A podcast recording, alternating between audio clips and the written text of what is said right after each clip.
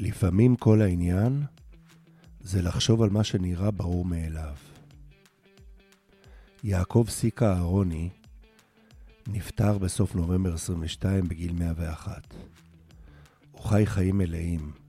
הוא היה משורר, סופר, מורה, מנהל בית ספר ומרגל.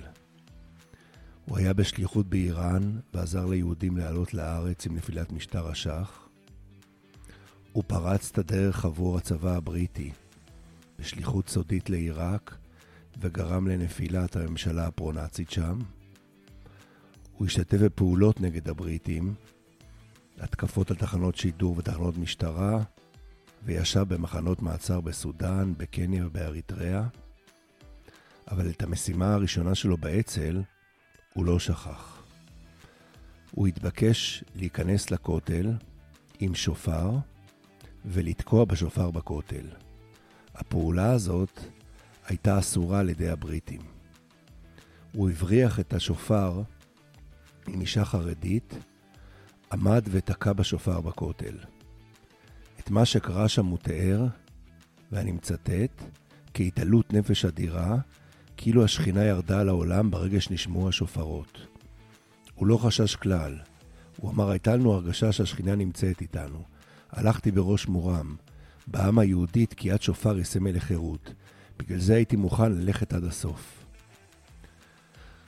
מה הדבר הזה שעושה השופר, שמרטיט את הלבבות אפילו בקרב יהודים שהם חילונים גמורים? את השאלה הזאת שאל תיאודור רייק, תלמידו המובהק של פרויד, בספרו השופר שפרסם ב-1919.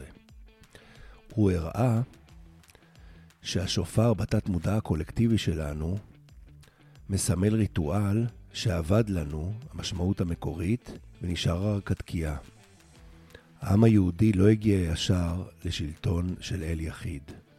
הוא עבר כמו כל העמים דרך אמונה בחיית טוטם. חיית הטוטם של העם היהודי הייתה השור, שור הבר.